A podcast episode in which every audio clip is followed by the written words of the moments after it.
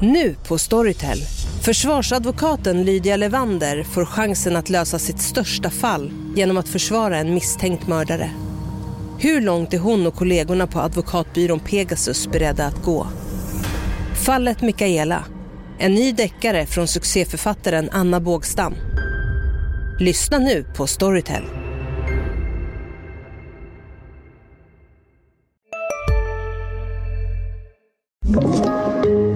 Podplay.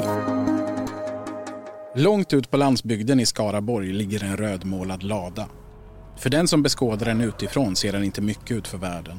Men under sensommaren 2021 är det full trafik till och från platsen. Män anländer, stannar en stund och åker sedan därifrån.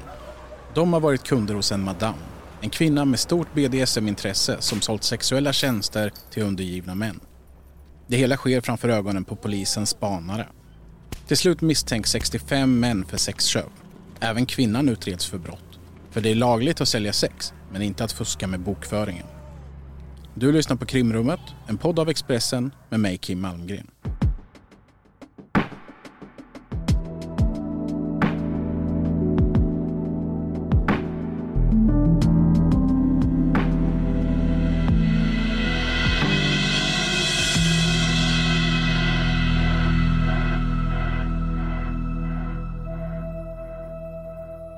Med mig idag har jag Claes Pettersson. Vi är kollegor. Du jobbar på GT i Göteborg. Välkommen!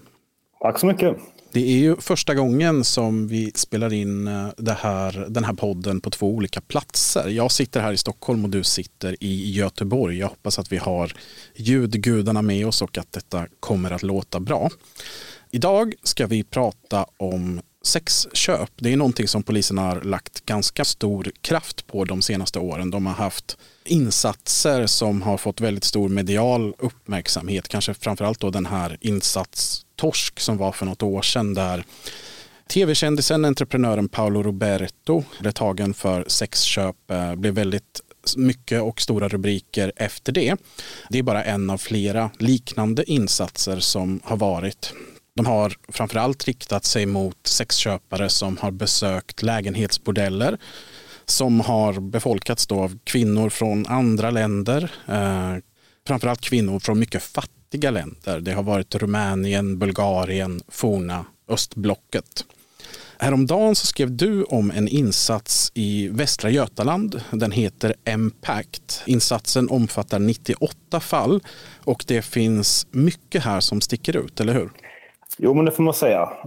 Och det här börjar väl lite grann i den grå reportervardagen när vi noterade att de hade slagit till mot ett antal sexköpare då. Och så eh, bestämde vi oss och jag för att titta närmare på det helt enkelt och se vilka, hur omfattande det var och vilka de här gripna personerna var och vilka, som, vilka kvinnorna var som, som var involverade och så vidare. Och det var då vi upptäckte att det kanske fanns mer i den här historien än vad det såg ut som från början så att säga. Ja, det, det, får man verkligen säga. Vi kan säga att du skrev en artikel här förra veckan om det här fallet som blev eh, väldigt välläst. Det som visar sig då när du tittar på det här fallet det är att majoriteten av de här fallen, 65 av 98 då, går att koppla till en och samma kvinna. Och om man då tänker sig att den vanliga situationen i de här insatserna är det här som jag nämnde med lägenhetsbordeller, kvinnor från fattiga länder, så är detta något helt annat. Vem är detta och i vilken miljö har det här skett? Hur har det sett ut?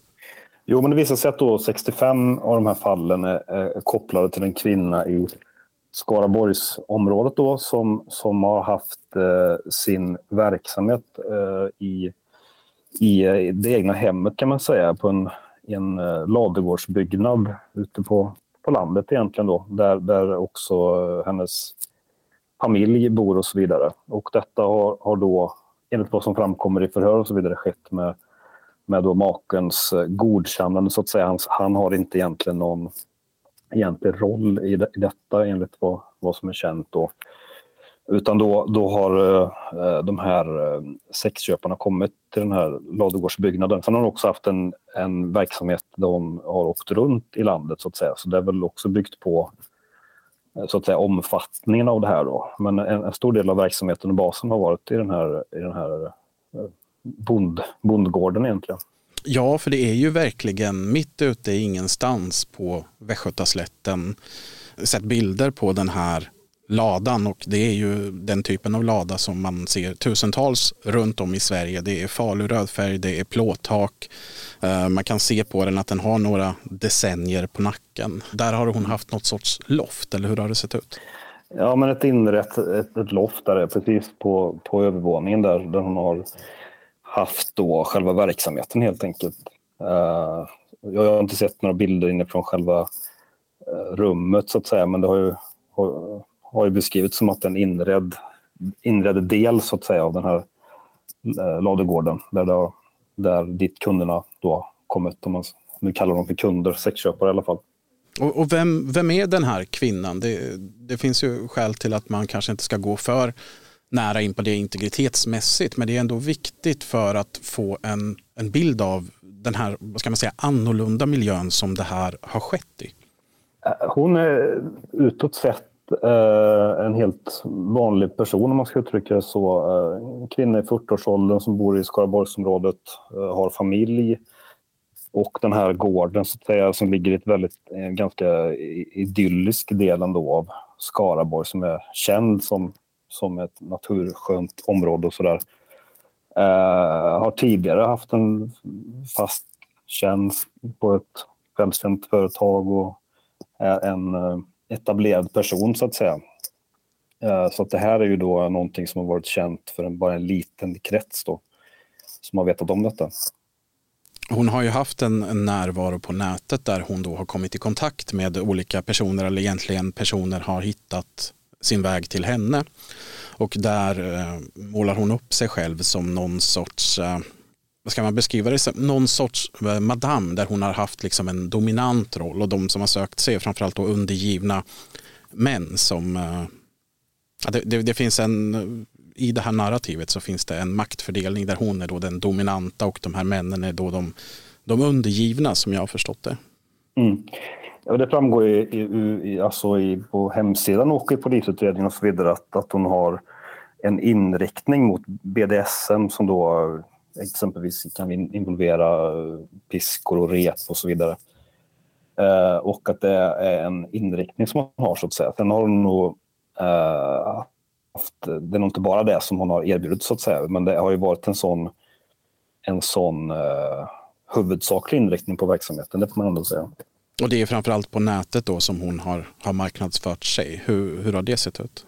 Ja, det har funnits en, en hemsida då med, med prislistor då, rakt upp och ner, exakt vad som erbjuds och vad det kostar helt enkelt. Det har funnits mängdrabatter om man är återkommande kund och så vidare. Det liknar ju egentligen ett någon slags eh, upplägg som man kan se på andra håll i näringslivet egentligen. Då. Eh, så väldigt kommersiellt och sådär. Och sen är det då vi kanske kommer in på det, men det har ju också varit eh, en verksamhet där det har funnits ett, ett företag utåt sett.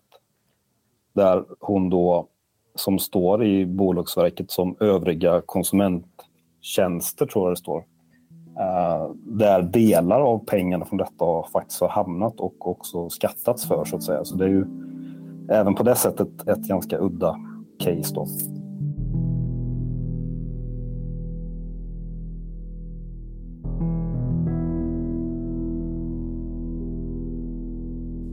Tänker att vi kan komma in på det där med företagsbiten lite senare. Polisens bild är att allt detta har skett frivilligt. Det finns inga misstankar om något tvång eller någon människohandel eller dylikt som, som ibland omger den här typen av, av verksamhet. Nej, men precis, och det, det, där är ju ett kapitel för sig egentligen. Det finns ju så, så vitt det har gått att kontrollera både från mitt håll och från polisens håll och från de som har kännedom om det här fallet på olika sätt så är det ju helt frivilligt från hennes sida så att säga. Polisen understryker dock att när man, det brukar vara så att när man skrapar på ytan i sådana fall så kan det finnas en annan botten i det så att säga. Men eh, som hon beskriver det och som har framgått så, så är det en frivillighet. Då. Sen är ju då, eh, det finns ju då dock misstankar mot hennes make vad gäller koppleri. Men det är ju då mer en formell sak eftersom koppleridelen i det här fallet handlar framförallt om att han indirekt har tagit del av pengar som kommer från, från hennes prostitution om man säger så. Så i princip då när de har delat hushåll så blir det pengar som såklart kommer från den verksamheten och då blir det en brottsmisstanke då. Så det, det finns ingen misstanke om att han har, har tvingat henne eller har fungerat som någon slags hallick eller liknande bakom detta. Mm. Och det är så som den, den svenska sexköpslagen eller modellen kring det ramverket ser ut. Att den som det är tillåtet att sälja sex, ta betalt för sex. Det är inte tillåtet att köpa sex men det är inte heller tillåtet att tjäna pengar på någon annans eh, försäljning av sexuella tjänster. Precis. Och det är just det där som jag har haft lite kontakt med henne ändå, så även om hon inte vill ställa upp en intervju. Men det har ju framgått då att hon är väldigt kritisk till hur, hur det här ser ut då i Sverige. Det är ju, eh, jag hon menar på att, eh, att eftersom eh, allt som har med verksamhet att, att göra är kriminellt på olika sätt så, så blir det då att, att ja, det blir en, en kriminell stämpel runt hennes arbete trots att, då, att det är lagligt att sälja sex. Exempelvis då så har hon då det här bolaget. Då Skatteverket uppmanar ju henne att man ska eh, man ska betala skatt även för prostitution om man säger så. Men samtidigt så tilldelas man inte F-skattsedel för, för detta. Så det blir någon slags dubbelhet där som hon eh, är väldigt kritisk mot. Hon menar på att det eh, hennes, in, hennes inställning är nog att det borde vara fullständigt lagligt både med sexköp och Eh, eh och eh, ja, att eh, sälja sex, så att säga. Hon eh, skriver också på sin hemsida att hon är engagerad i en organisation eh, av sexarbetare för sexarbetare där den här organisationen då är väldigt kritisk mot den svenska sexköpslagen. Man vill att eh, sexköp ska avkriminaliseras och att rättigheterna ska stärkas för de personer som säljer sex. Ja, men det är precis det som är hennes, hennes vilja så att säga. Och de, de är ju oerhört kritiska till hur det ser ut i Sverige. De menar på att det nuvarande eh, upplägget gör, gör det farligt för dem i deras yrke och så vidare. Och, och, har jag förstått det rätt då som att hennes eh, partner har inte haft någonting med det här att göra men eftersom han indirekt då har tjänat pengar på detta eftersom de har delad ekonomi om man säger så. Så det är det som gör att han misstänks för koppleri. Precis, det, det, här har inte, ännu inte lett fram till något åtal och det är en pågående utredning. Men som polisen beskriver det för mig så är det, finns inga misstankar om att han på något vis har, eh, har tvingat henne till detta utan det handlar bara om att han har indirekt fått del av, av pengar från prostitution så att säga. Mm. Hur, hur, skulle man göra för att undvika det? det? Det låter komplicerat om man skulle ha ett förhållande om man säger så. Ja, det är ju svårt att svara på. Det, det är ju just det som hon då är kritisk mot, så att säga. Uh, sen kan man ju kanske då ifrågasätta varför man ska ge sig in i det överhuvudtaget och helt frivilligt såklart. Men eh, hon är ju kritisk mot det. Hon menar på att man, om, man nu, om det nu är lagligt att sälja sex så måste det ju vara, vara eh, lagligt i alla ändar så att säga. Det, det, det är det hon vänder sig mot. Ja, precis. Och detta, hon, hon torgför ju då ena sidan i en diskussion här. Det finns ju också en annan sida som, eh, som är skälet då till att sexköpslagen infördes och att den finns. Och det är att polisen kopplar samman stor andel av prostitution med eh, typen av människohandel, tvång, antingen hårt tvång eller mjukt tvång om man säger så, med mer ekonomiska motiveringar som, som får människor in i sexhandel utan att de egentligen vill det. Precis, och man ska inte glömma heller då att eh, som det beskrivs i alla fall så är ju såklart normalfallet något helt annat än detta. Det handlar om ofta om, eh, det kan handla om människohandel och det är ofta eh, kvinnor från kanske Rumänien, även Ukraina, Sydamerika som eh, eh är kommit hit under olika former av tvång egentligen då. Eh, och där de leder sällan ända fram de där utredningarna när de tittar på vilka som är huvudmän så att säga, bakom detta. Det, det, det är väldigt svårbevisat för då hamnar man, hamnar man i andra länder och så vidare. Men polisens uppfattning åtminstone är att det nästan alltid finns någon annan som håller i taktpinnen så att säga, i bakgrunden. Just det, i övriga fall men inte i detta då, så som man, av det underlag som, som finns att ta del av. Det som, som händer då är att polisen har den här stora insatsen mot detta och majoriteten av av arbetet som man gör sker då inom ramen för, för hennes verksamhet, den här kvinnans verksamhet. I augusti-september någon gång under förra året så får polisen upp ögonen för, för vad som sker och man inleder då någon sorts spaningsinsats mot henne. Man kan se i handlingarna att eh, polisen har haft, som de beskriver det, sporadisk spaning mot den här ladan. Hur har, hur har polisarbetet sett ut? Jo, som det, som det är inlett där så är det någon form av tips eller in, inre spaning som gör att de uppmärksammar den här hemsidan då. Där det finns just det här konkreta upplägget med prislista och det, det finns en, någon slags turnéplan nästan där, där hon åker runt i olika, olika orter, så där Karlstad, Stockholm, Göteborg, Örebro med mera. Så man förstår ju snabbt, där det finns ett, en, någon slags omfattning på detta givetvis. Då. Så utifrån hemsidan egentligen så börjar man då titta på detta och ja, de har inte velat avslöja några detaljer egentligen hur spaningen gick till men de har bekräftat att de var på plats där ute i terrängen så att säga eh, utanför den här ladugårdsbyggnaden och spanade då när sexköparna kom till, till den här eh, ladugårdsbyggnaden. Och det, det, här ligger ju som sagt då ute på landsbygden. För jag får upp bilder i huvudet där av polisens spanare som, som smyger runt i det höga gräset och liksom försöker se människor som, som kommer till och åker därifrån.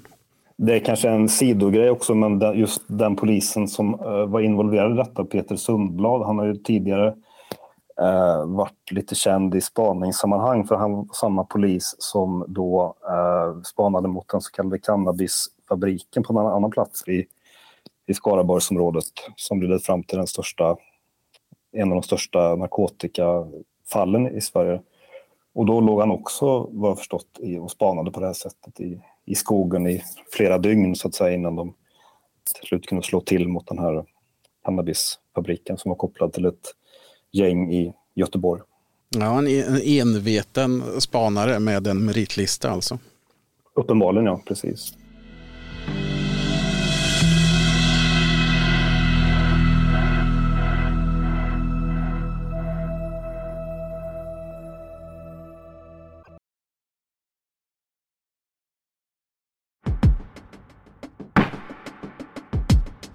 Om vi tittar då på de här männen, 65 till antalet, eh, vilka är de? Det är otroligt brett vilka de här personerna är. Det finns allt från läkare och direktörer med många miljoninkomster till eh, asylsökande personer helt utan inkomst. Det finns eh, eh, elektriker, fabriksarbetare. Alltså det är hela spektrat verkligen av personer som, som finns med. Det är ganska vanligt i de här härvorna också. Jag vet, alltså när jag har jobbat med den här typen av eh, insatser tidigare, om man går igenom persongalleriet så får man en, en väldigt bred bild av samhället, nästan ett tvärsnitt av samhället. Ja, men precis. Det tycks vara något. Och jag tycker man kan se paralleller till den tidigare granskning som gäller kokainhandel och kokainköpare framför allt. Jag tittar på vilka de är och det liknar lite grann det där, för just kokain har ju tidigare varit någon form av Eh, känts som någon slags Stureplansdrog från rika men har blivit mer folkligt. Jag tycker man känner igen det här breda spektrat från, från den granskningen då. Det var också allt ifrån eh, rika mäklare till, till betydligt mer mindre bemedlade personer så att säga. Och någonting som, som binder många av dem samman är väl också att de tidigare är ostraffade. Så är det verkligen och ännu mer så i det här fallet faktiskt. Det är, jag, jag tror inte det var någon, någon enstaka person hade nått någon tidigare dom av alla de här personerna jag tittar på. Eh, nästan alla var ostraffade. Det är familjefäder och eh, ja, helt vanliga personer egentligen. Mm. Jag vet när jag har när jag arbetat med den här typen av insatser tidigare och sett själva ögonblicket när en sex köpare blir gripen när polis... Hej, Ulf Kristersson här. På många sätt är det en mörk tid vi lever i. Men nu tar vi ett stort steg för att göra Sverige till en tryggare och säkrare plats. Sverige är nu medlem i Nato. En för alla, alla för en. Vi är specialister på det vi gör, precis som du. Därför försäkrar vi på Swedea bara småföretag, som ditt. För oss är små företag alltid större än stora och vår företagsförsäkring anpassar sig helt efter firmans förutsättningar. Gå in på swedea.se företag och jämför själv. Sen kommer fram, tar tag i hans arm, presenterar sig och berättar vad han är misstänkt för. Att man kan se ångesten i deras ansikte nästan. Att de, det är sällan man ser någon som blir så, så påverkad så snabbt av någon sorts eh, skamkänsla nästan. Vad, vad säger de i, i förhören i den här insatsen? Det är ett väldigt skamfullt brott. Vi var även ute då i anslutning till det här reportaget och gjort en tv-dokumentär där vi följer en polis som eh, också har jobbat med det här ärendet i lag, ladugårdsbyggnaden, om man säger så, fast i Göteborg. Då. Eh, och då var vi med då när de grep en, en person utanför ett hotell i Göteborg. Och, så och det är ju otroligt mycket, ofta skamfyllt och det märks ju även i de här förhörsutskrifterna som jag har sett att det är, det är väldigt mycket frågor om, eh, om, eh, om familjen ska informeras. Kan det handla om exempelvis eh, man säger så lite som möjligt och ja, och det är även det som polisen beskriver. att det jag tror att eh, Tobias Norelius, där polisen vi pratat med, säger att det är som en ridå som går ner när de, när de eh, konfronterar dem med detta. så att säga. Så det är ju, jag tror att det är en kategori av brott som är särskilt skamfyllt på något sätt för, för de misstänkta. Jag läste igenom några av förhören. Jag såg att en man till exempel där fokuserade på jag vill inte att min flickvän får reda på detta. Ja, just det. Precis, exakt. Det, det, det är nog en återkommande önskan och det är ju ett stort antal av de här som har familjer, de är gifta eller eh, har flickvänner och, och barn och så vidare och eh, fungerande sociala relationer så att säga. Så det är ju, det är ju såklart, och det ju, även finns ju ett flertal skilsmässor som man kan se i registren efter den här härvan och så. Så det är klart att det fått en stor påverkan då. Ja, eh, det är en typ, typ, typ av händelse som kanske kan eh, stresstesta en relation om man säger så. Jo, precis. Och förmodligen slår den i spillror i de flesta fall. Så. Många av de här männen när de blir konfronterade, de erkänner direkt, vilket är ganska vanligt vid den här typen av brott. Det innebär i regel att de får ett straffföreläggande. De får betala böter och sen så är saken ur världen, juridiskt sett i alla fall. Om man straffföreläggande och dagsböter i det här fallet då som det blir. Eh, det är kopplat till en persons inkomst. Man tittar på det här fallet så har du köpt sex flera gånger så på en vanlig snitt Svenssonlön om man säger så så kanske det kan bli uppemot 50 000 kronor i böter om du är en återkommande sexköpare.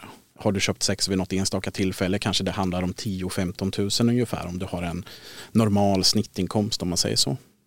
Ja, precis. Det kan ju variera beloppen där och det är ju just böter som är det vanligaste straffet vi har sett. Och det är några ärenden som har gått till tingsrätten, kanske när man har nekat till brott och så vidare, som har dragit det vidare och inte godkänt ett strafföreläggande så att säga.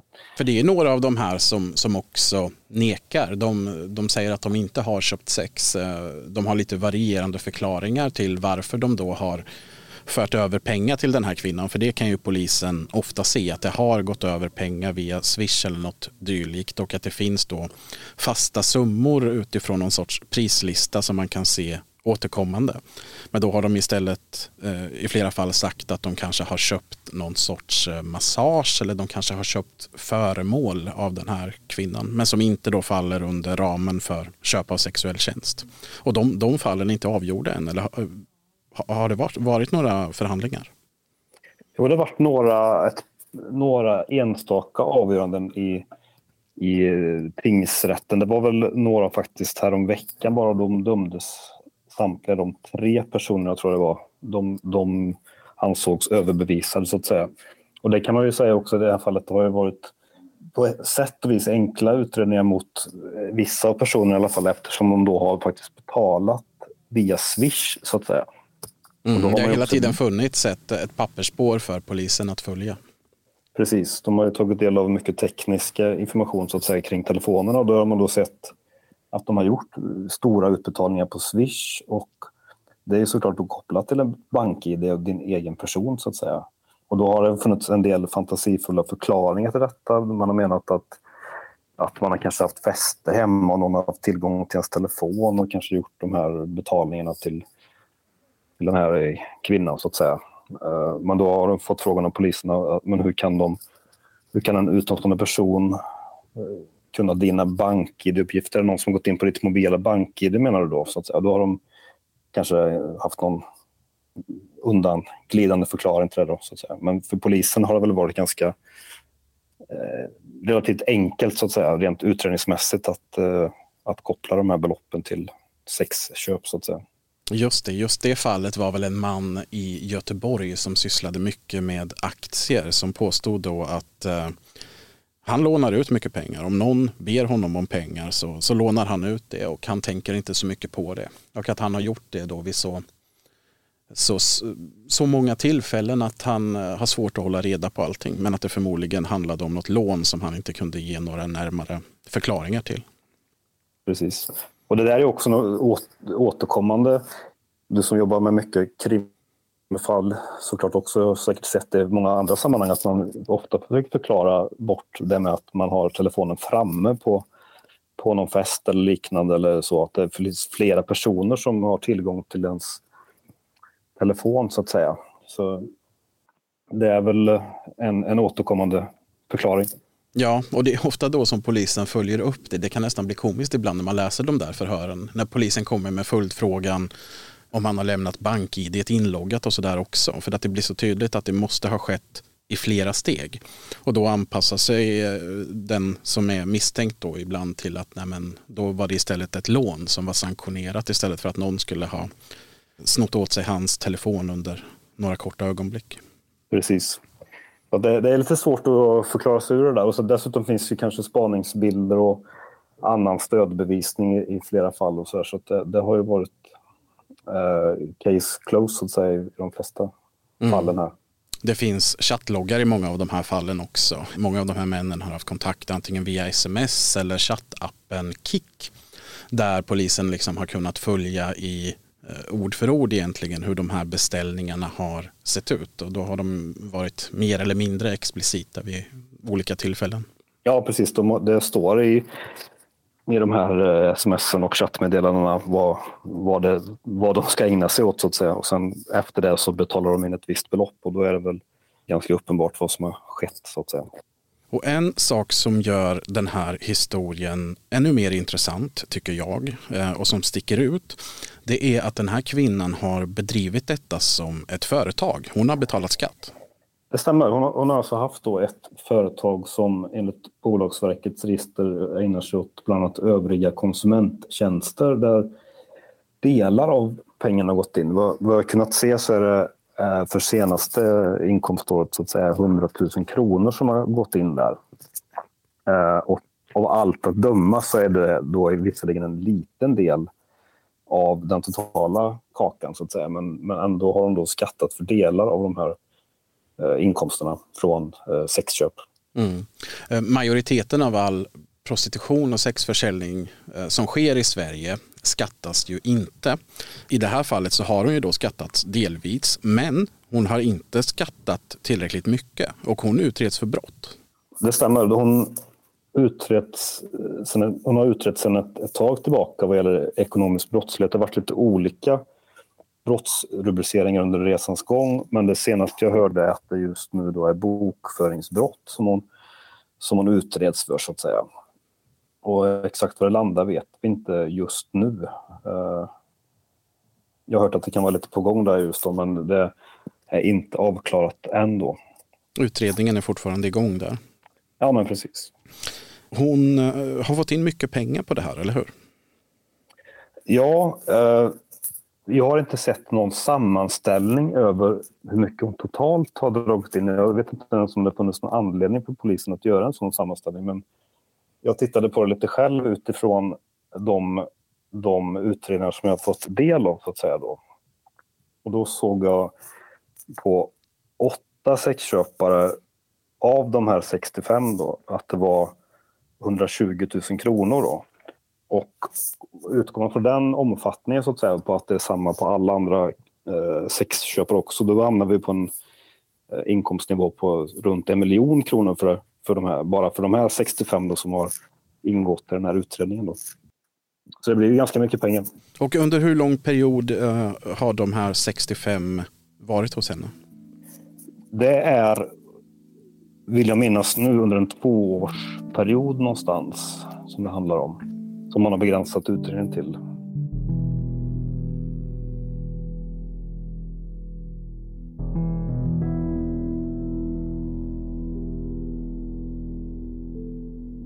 Vi var inne lite på det.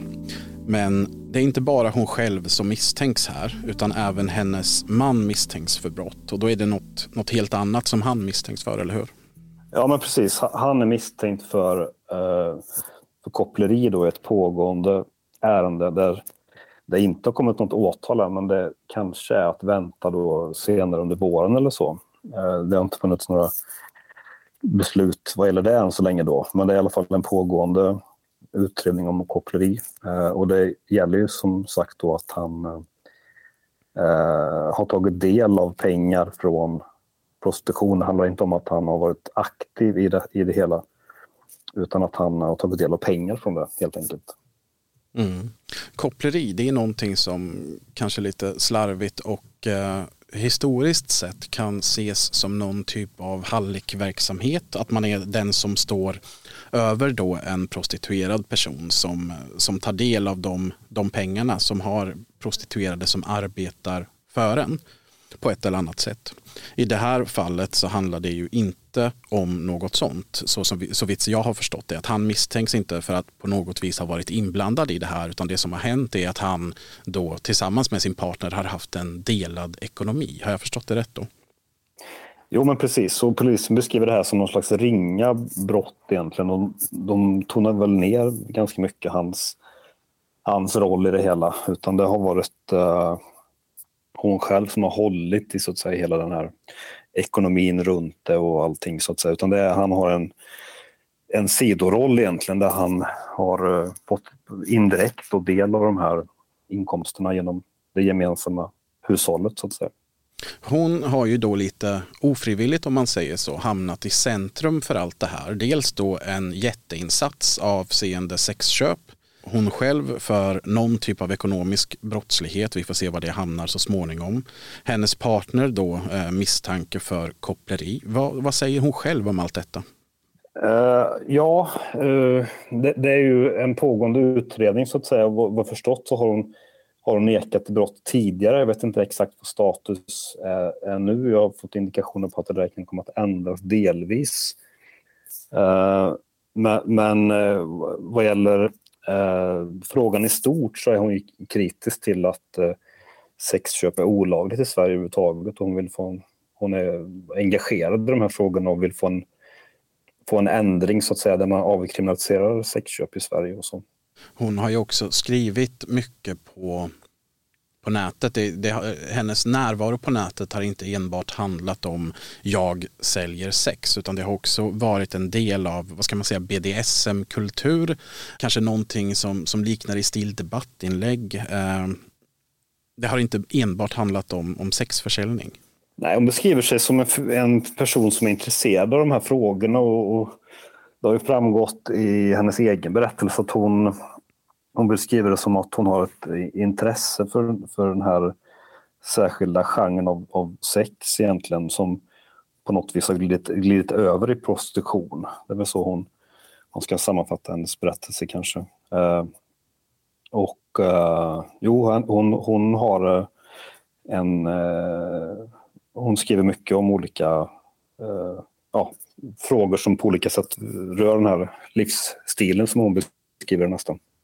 När polisen gör den här typen av insatser, då man pratar mycket ofta om eh, människohandel, om eh, kvinnor som far illa, att man vill gå in där och göra en insats. Eh, när omständigheterna ser annorlunda ut i det här fallet, vad, vad säger polisen om, om sin insats då? Jag kan, det kan vi kanske berätta lite om hur, hur... Alltså det var ju så att när det här ärendet kom in till polisen, då, då var de de beskrev det som att de till en början hade svårt att, att motivera sig så att säga. Att, att röja tag i det här fallet eftersom de fick väl klart för sig vid en viss punkt att här fanns så att säga ingen hallick bakom. Det fanns ingen tvång. Hon beskrev det själv som att det var frivilligt och så vidare. Eh, det vet ju inte vi exakt såklart hur det ligger till med den här saken men, men det är så den uppfattning som polisen hade åtminstone. Och då hade de inledningsvis svårt att motivera sig själva till att ta tag i det. De hade många eh, diskussioner om hur de skulle eh, ta sig an detta så att säga. Men då, förutom att det då är brottsligt med sexköp så var det eh, själva sexköparna som, som fick poliserna insåg ju då att det här är män som bedrar sina familjer och fruar med, som polisen då sa, sjuka saker som de beskrev det själva. Eh, och det fick de väldigt engagerade för det, det är ju ändå någonting som är som de sa, i alla fall en moralisk fråga så att säga. Men sen var det så givetvis själva sexköpen och brotten som är själva eh, det formella skälet så att säga. Men de hade som en intern drivkraft att de eh, ville liksom ta tag i de här familjesituationerna så att säga. Det är pågående utredningar, fortfarande några av sexköparna. Det finns en utredning mot henne, det finns en utredning mot partnern. Vad händer nu framöver? Det som händer Eh, formellt sett är ju att eh, båda de här två pågående utredningarna mot den här kvinnan och hennes make eh, ska avslutas på något sätt. Det som är känt är att kvinnans ärende som nu gäller bokföringsbrott, den är på väg att avslutas när som helst, vad jag förstått. Och makens ärende kommer nog dröja ett tag till innan det eventuellt kommer ett besked om åtal då, framåt vårkanten kanske. Mm. Jag vet att det här var en artikel som väckte, det hade hög läsning hos oss förra veckan. Eh, vad har du fått för reaktioner? Jag har fått eh, ganska mycket reaktioner i det här fallet. Eh, det har varit eh, eh, många som är engagerade i den här frågan på, av olika skäl. Jag vet inte riktigt varför det engagerar så mycket just nu. Det kanske eh, just i nyhetsflödet om man säger så, så bryter det säkert av väldigt mycket mot kriget som pågår så att säga. Det här är något helt annat. Så, också en viktig samhällsfråga givetvis. Men eh, det är eh, någonting som också engagerat av något skäl mitt i detta. Mm, vad säger folk då? Det finns många... Det är också en laddad fråga tror jag, för det har funnits olika... En del har tyckt att vi inte ska fokusera på kvinnan. Vi borde fokusera mer på själva männen som köper sex. Och det tycker jag nog att vi har gjort väldigt mycket i den här artikeln så att säga. Eh, hon är en naturlig utgångspunkt för, för den här berättelsen eftersom det har, det, hon är en, den gemensamma nämnaren så att säga. Så det är naturligt att hon blir en stor del av berättelsen. Men att jag tycker också att vi har fokuserat mycket på, på sexköparna och vilka de är och det eh, brott som de begår så att säga. Alltså 65 stycken till antalet av 98 totalt i den här insatsen. Claes Pettersson, tack så mycket för att du ville vara gäst i krimrummet. Tack så mycket. Nästa vecka kommer ett nytt avsnitt. Lyssna då.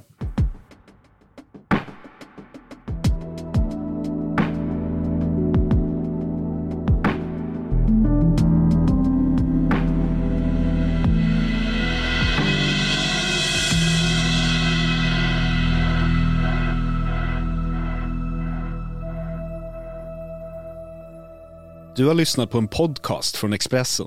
Ansvarig utgivare Klas Granström. Hej, Synoptik här. Hos oss får du hjälp med att ta hand om din ögonhälsa. Med vår synundersökning kan vi upptäcka både synförändringar och tecken på vanliga ögonsjukdomar. Boka tid på synoptik.se. Ska några små tassar flytta in hos dig? Hos Trygg Hansa får din valp eller kattunge 25% rabatt på försäkringen första året. Läs mer och teckna djurförsäkringen på trygghansa.se. Trygg Hansa, trygghet för livet.